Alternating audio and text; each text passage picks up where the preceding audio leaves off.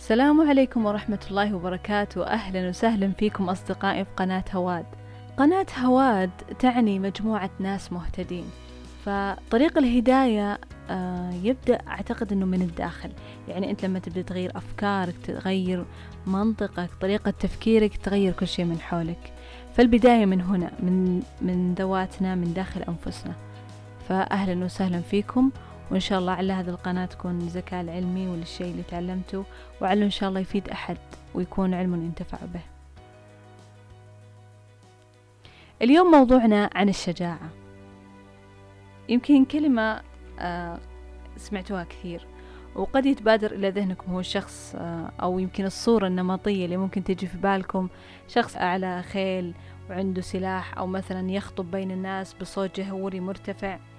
آه لما جيت أبحث وكعادتي طبعا في معجم المعاني ما معنى شجاعة معناها قوة جرأة شخص مقدام آه قوي القلب عند اليأس.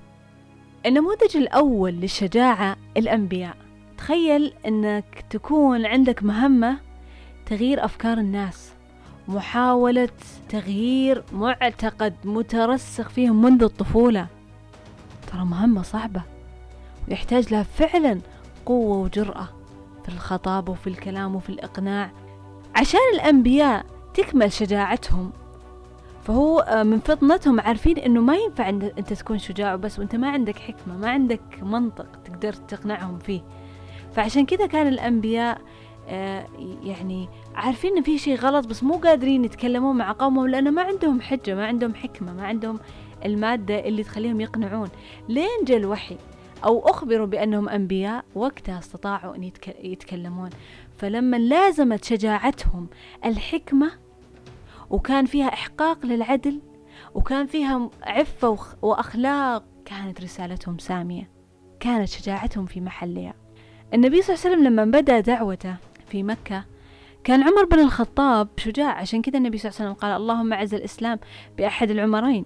آه، عمر بن الخطاب والثاني عمرو بن هشام اللي هو أبو جهل. وإحنا نعرف مواقف أبو جهل مع النبي صلى الله عليه وسلم كيف كان جريء في الرد عليه وقوي. فكانت شجاعة عمر بن الخطاب وعمر بن هشام اللي هو أبو جهل كانت في محلها ولكن كان ينقصها موضوع الحكمة والعفة والعدالة اللي ما راح تكتمل إلا بالدين الإسلامي اللي يطالب هالأشياء أصلا. فالنبي صلى الله عليه وسلم عرف أن آه، انضمامهم للإسلام وتقنين هذه الشجاعة وتعديلها إضافة لها الحكمة والعدالة والعفة حيطلعها بأفضل منظور. حيطلعهم بشخصيات عظيمة. وفعلا شفنا عمر بن الخطاب رضي الله عنه كيف كان آه، بعد إسلامه والتغيرات اللي قام فيها. طيب في الحياة الواقعية لو جينا فعلا نطبق الشجاعة هل نحن حقا شجعان؟ طبعا في بعضكم بيقول إيه لما أشوف أحد ينظلم أو مثلا أنا أشهد شهادة حق هذه شجاعة.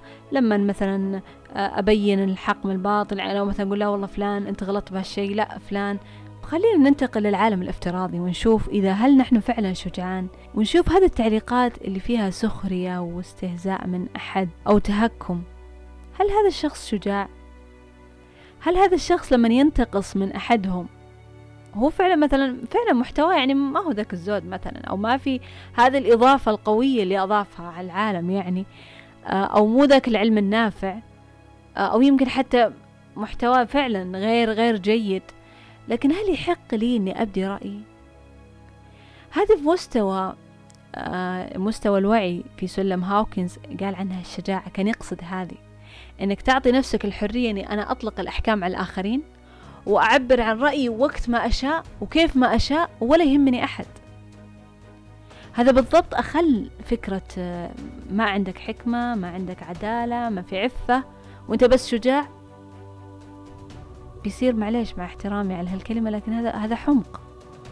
هذا حمق لما أحد يتكلم في مكان في غير محله هو فقد الحكمة.